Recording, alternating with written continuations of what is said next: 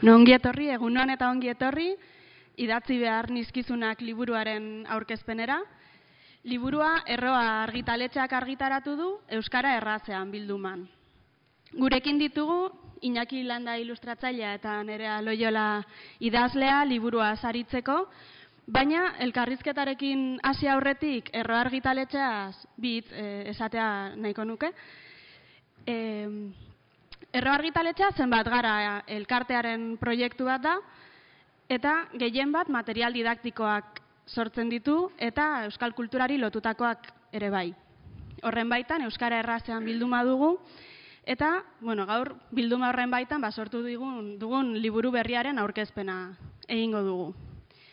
Bilduma horren helburu nagusia da e, irakurle berriak egitea. Eta irakurle berri horietako asko dira, euskaltegian euskara ikasten ari direnak edo institutuetakoak eta hoiei nahi diegu luzatu euskaraz irakurtzeko gonbitea.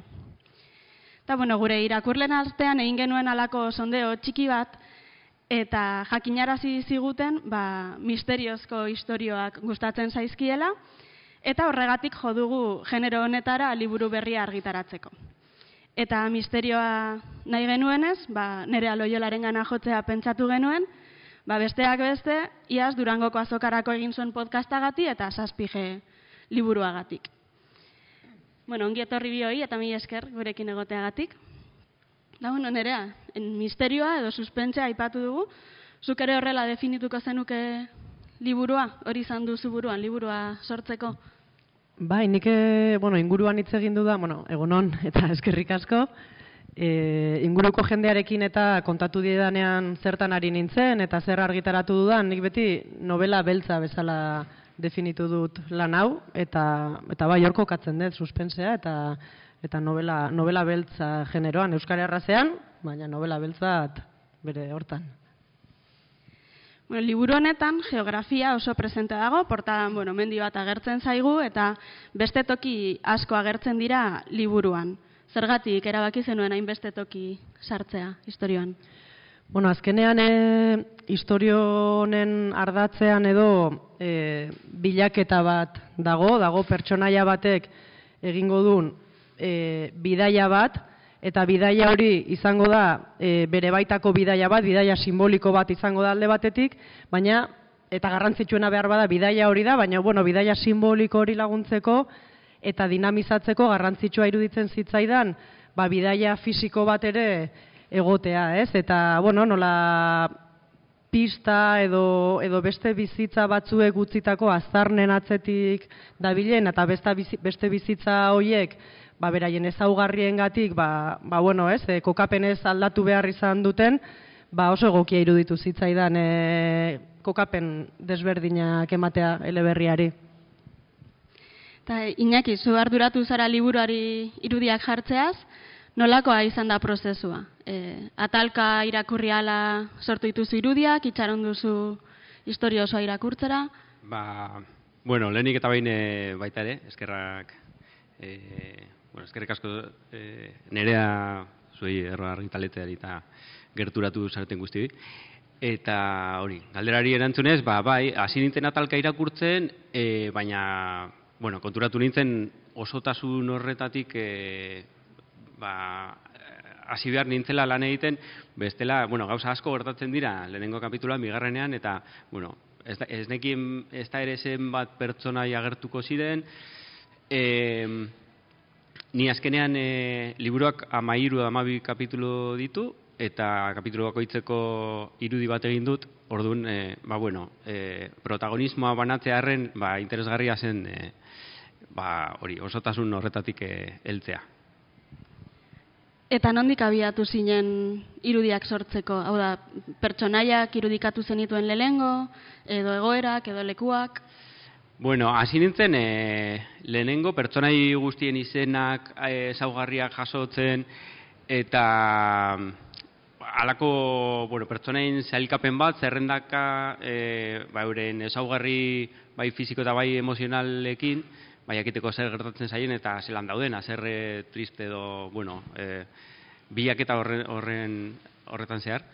Eta, Barta, baita ere niri behintzat gertatzen zaidana da, ba, e, ezaugarri txiki batzuekin, ba, ni pertsonaiaren irudia egiten dut, erabat, eta konturatu baita ere izenek e, ba, nortasun zehatz badokatela eta baldintzatzen dute erabat nire pertsonai horren e, ba, forma edo itxura, ez? Barbara adibidez, da la protagonista, ba, ni Barbara lotzen dut ba, nagusiago den e, pertsona batekin, e, basutxoagoa, hile laburra daukana, eta, bueno, karo, lotu behar nintzen, azkenean, ba, nereak e, proposatzen zituen hildo horietara.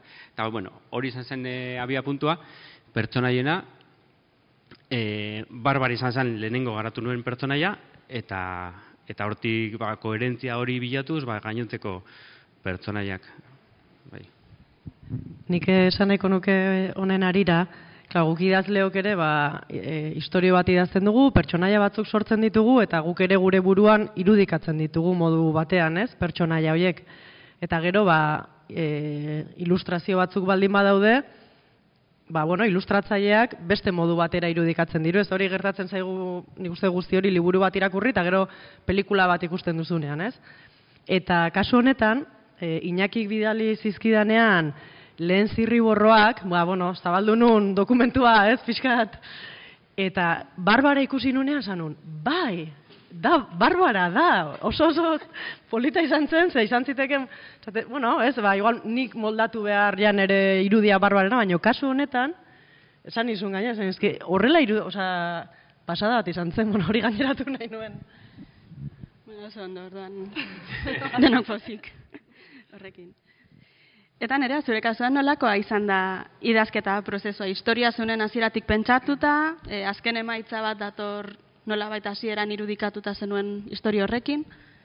Bueno, niretzat egia da podcasta egin nuela eta zazpi geudalekoak eta e, liburu ere bai, baina bueno, e, novela bat idazten duan lehen aldia da eta novela beltz bat idazten dudan lehen aldia da. Ez orduan nik ere ikasi behar izan dut eta pentsatu nola egingo nuen lan hau e, abia puntua izan da, beti egiten dudan, bezala dago txinparta bat, edo dago zerbait, historio bati hasiera ematen diona, eta kasu honetan da, e, irudikatu nuen e, liburuaren hasiera, bueno, hori kontatuko dez, ez da, spoiler egitea, e, irudikatu nuena da nola Barbara protagonista, oraindik ez nekien Barbara zenik ere, baina bueno, nola emakume bat, neska gazte bat, Argentinan dagoena aktore ikasketak egiten, ba, bueno, ba, funtzio baten aurretik, ari da paseo bat ematen e, 3 de febrero ingurutik, eta erakusketa bat ikusten du, ba, gustuko duen e, idazle baten, gustuko duen idazle bat e, hil berri da,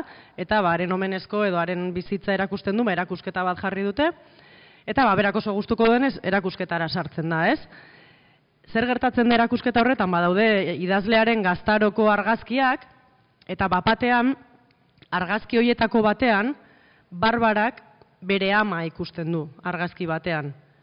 Eta bueno, hori ba, kasualidade handia izan daiteke, baina gertatzen dena da, argazkiaren data mila behatzireun da laro ma piku, bueno, ezakit ba, mila behatzireun da laro malau dela, eta berari, barbarari esan zioten bere ama hilzela, bera jaio eta urte betera laro geita zeian.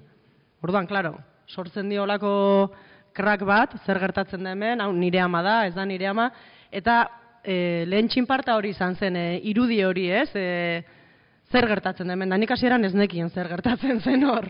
Eta orduan joaten naiz pixkanaka, ba bueno, lako e, segida bat ematen lanari.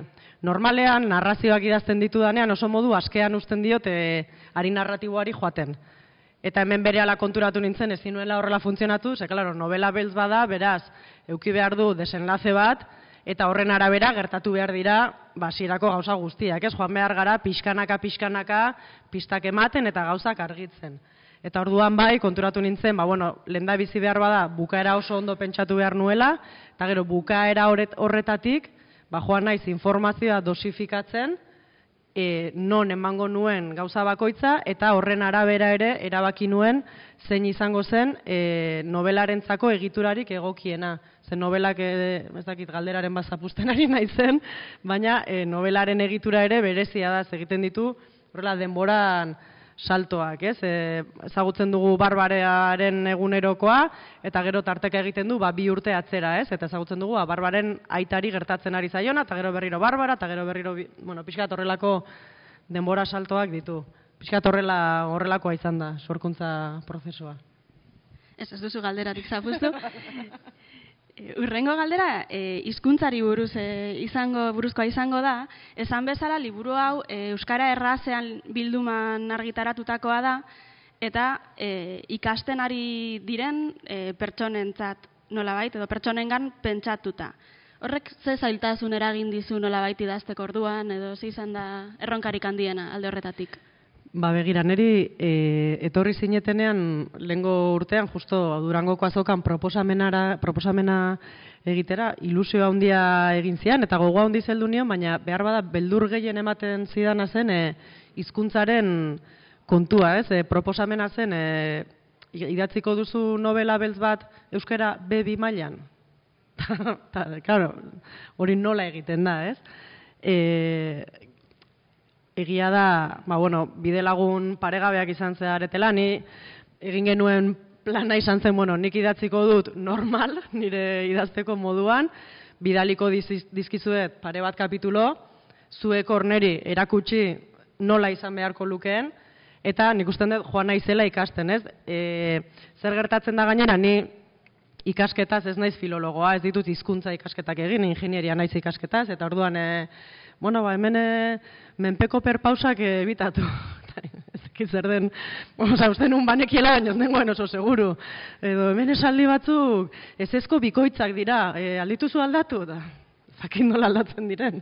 Lako batzuetan sentitzen nintzen, eta gero aldatzen zuten beraiek, eta esaten ah, bale, ez, oza, egin dezaket, ez, baina izan da horrelako prozesu bat, e, ikasketa prozesu polit bat niretzako ere bai, eta pixkanaka, pixkanaka, ba, novelak aurrera egin ala ere bai, ba, zuen interbentzio horiek, ba, ba, ez dira hain handiak edo izan, ez? E, asko eskertu de, etori zuen prestutasuna eta zuen funtzionatzeko modua, ba, ni bidali, zue bueltan, ni berriro, zue bueltan, eta eta horrela, eta bai, ba, gero adibidez e, itanoarekin ere, nik proposatu nun itanoa sartzea momentu batzutan, gero esan zen idaten hori behar bada, gehiegi zela, e, niretzako benetan oso esperientzi aberasgarria izan da, azkenean e, eskatu dit literaturaz pentsatzea, baina eskatu dit asko ere hizkuntzaren egiturari buruz pentsatzea, eta hori behar bada, hizkuntzaz bai pentsatzen dut idazten dudanean, baina zein beste igual egituraren inguruan. Oso instintiboa izan den orain arte niretzat,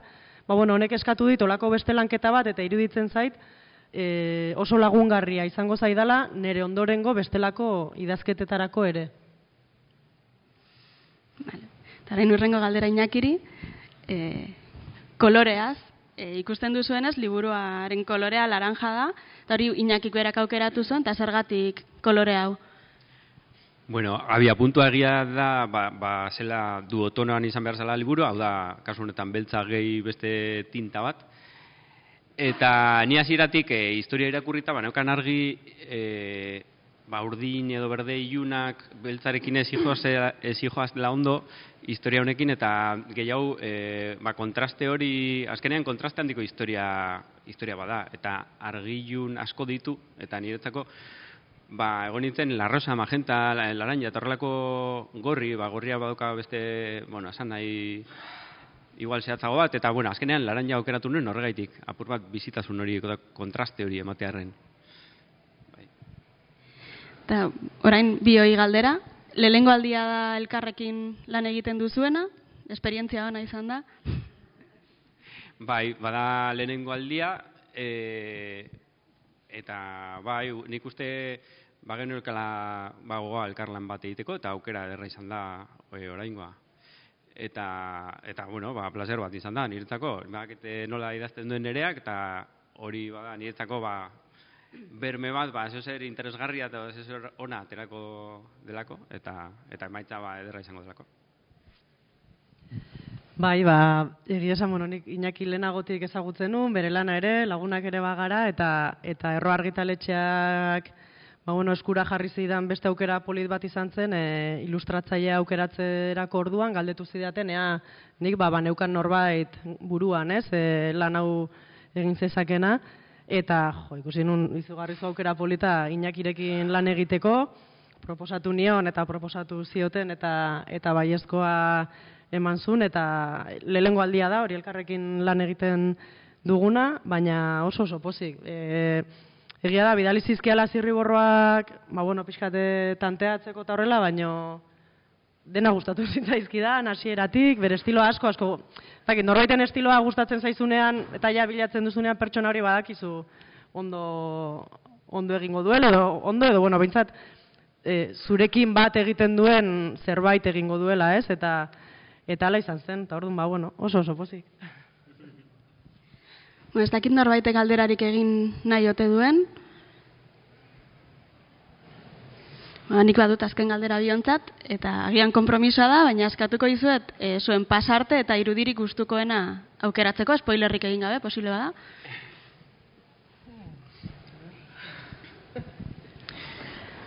A ber, irudietatik hasiko naiz. E, nik uste niretzako e, lehenengo kapitulan agertzen den lehenengo irudi hori dala, dala Barbara justo e, jasotzen ari dela argazki bat. E, hori izan zen e, sortu nuen lehenengo irudia, eta, bueno, kariño berezia diot mila vuelta eman dizkion e, irudi horri eta eta hor zehaztu nuen e, zenolako e, bueno, erabaki estetiko asko hartu nituen hortik gero gainontzeko irudietan aplikatzeko. Hori izango izango zen irudia eta pasartea edo irudia. Bueno, nik pasarte konkretu bat aukeratu baino, e, niretzat nire gustokoenak dira, e, behin baino berriz errepikatzen dira eleberrian, eta dira pasarteak non barbarak hitz egiten duen e, bere lagunik onenarekin. E, barbarak bere lagun badauka e, JJ izena duena, eta JJ-rekin e, beti telefonoz hitz egiten du, ez? Eta beti dira, kapitulo beti dira dialogoak. E, oso divertigarria izan da, zen nire amala urteko semeak irakurri du hau, eta asko gustatu zaio, eta bueno, anek JJ deitzen nion honi, eta lenguan esan nion, ze, zein da zure pertsonai gustoko eta esan zian, Gigi, nion. Gigi, zein da Gigi? eta esan zian, hau, eta, esan, bueno, ba, kontrolatu nintzen, ba, bueno, beti esaten da, ez, zuk liburu bat idazten duzula, eta gero irakurlearena dela, eta eta irakurlea ba, bere egiten duela, eta, eta nire JJ bere Gigi zen, eta, baina, bueno, pasarte horietan, sentitu horrelako, askatasun bat, zeda dira bilagun konfiantza handiarekin eta eta oso e, elkarrizketa freskoak dira eta nek asko disfrutatu dut hoiek idazten eta iruditzen zait ematen diotela ba, erritmoa eta freskotasuna liburuari eta bueno, behar bada pasarte horiek dira nire gustokoenak. Eta irudia eta elkarren lanaz, ez dut. ba, claro, niri igual gehien gustatu zaidana, izan da historia beraren korapioa deskorapiatzen denean, baina spoilerra denez, ezin dut esan, orduan, beste bat aukeratuko dut. E, asko gustatu zaizkit baita ere e, Gigirekin batera egindako, ba hori, e, bueno, Barbarak berarekin hitz egiten duenean, ba, Barbara maite mintzen da, eta, bueno, berarekin konpartitzen du hori, eta, bueno, hori horrek badoka asko gustatu zitzaidan, eta gero baita ere, a ber, gaizki goratzen ez badut, badaua esati bat non agertzen den eh, Abel, barbaren aita, bai? Eta agertzen da kotxean, eh, ze, al, eh, bueno, informazio bat jaso du, berantzako oso garrantzitsua dena, eta bapatean, ba, eh, bastakit, tentsio handiko ba, pasarte bat da, eh, endaiaruntz doa, eta bueno, ba, horrelako sati asko badauka liburuak, kutsu thriller kutsu horrekin, eta bueno, nire asko gustatu zitzaizkian horiek. Kasu horretan hori ezin bazen zirriborroan egindako irudi bat, gero e, pasarte horretan, bueno, hainbeste gauza gertatzen direnez, ba, beste bat aukeratu nuela, baina hori izan nire gustukoenetako bat. Meneri, inakin lanari dagokionez, hasi nahi zorein horrela begiratzen, eta e, asko kostatzen zait, bat aukeratzea, ze, ze hori ikusi nitun eta eta oso adierazgarriak eta oso oso gustokotu behar bada errepikatuko dut berak esan duena eta eta igual lehengo hau bueno, honek zea berezi egiten dit, ba hor ezagutu nuelako barbara, ez? Fisikoki eta eta lehengo sorpresa, lehengo susto horren digestio hori irudionekin egin nuen, eta gero e, azala ere iritsi zitzaidanean asko asko gustatu zitzaidan, gainera gero bidalitzen iguten maketa, eta maketan, e, ba ez dakite, iguale, kalidade grafikoaren gatik edo ezen luma saltzen da, nie, baino luma falta da hor, e, zean da, bai, bai, lasai, lasai, e, kalidade kontua da, ez dakit zer, eta, eta bai, bai, ba, ba hori esango nuke. Baina, bueno, eske ilustrazio danak dira daude zainduta, detailera, pasada bat, bai. Ba, mila esker inakietan ere aurkezpena, aurkezpenera etortzeagatik eta zuei ere bai. E, nahi baduzu herbildu, hemendik e, ibiliko gara, estandean ere, e, goien kalea mazazpin egongo gara, nerea sinatzen egongo da gaur eta bihar arratsaldean eta bueno, urbildu nahi baduzu zerbait komentatzera desatera, ba, hemendik ibiliko gara. Mila esker.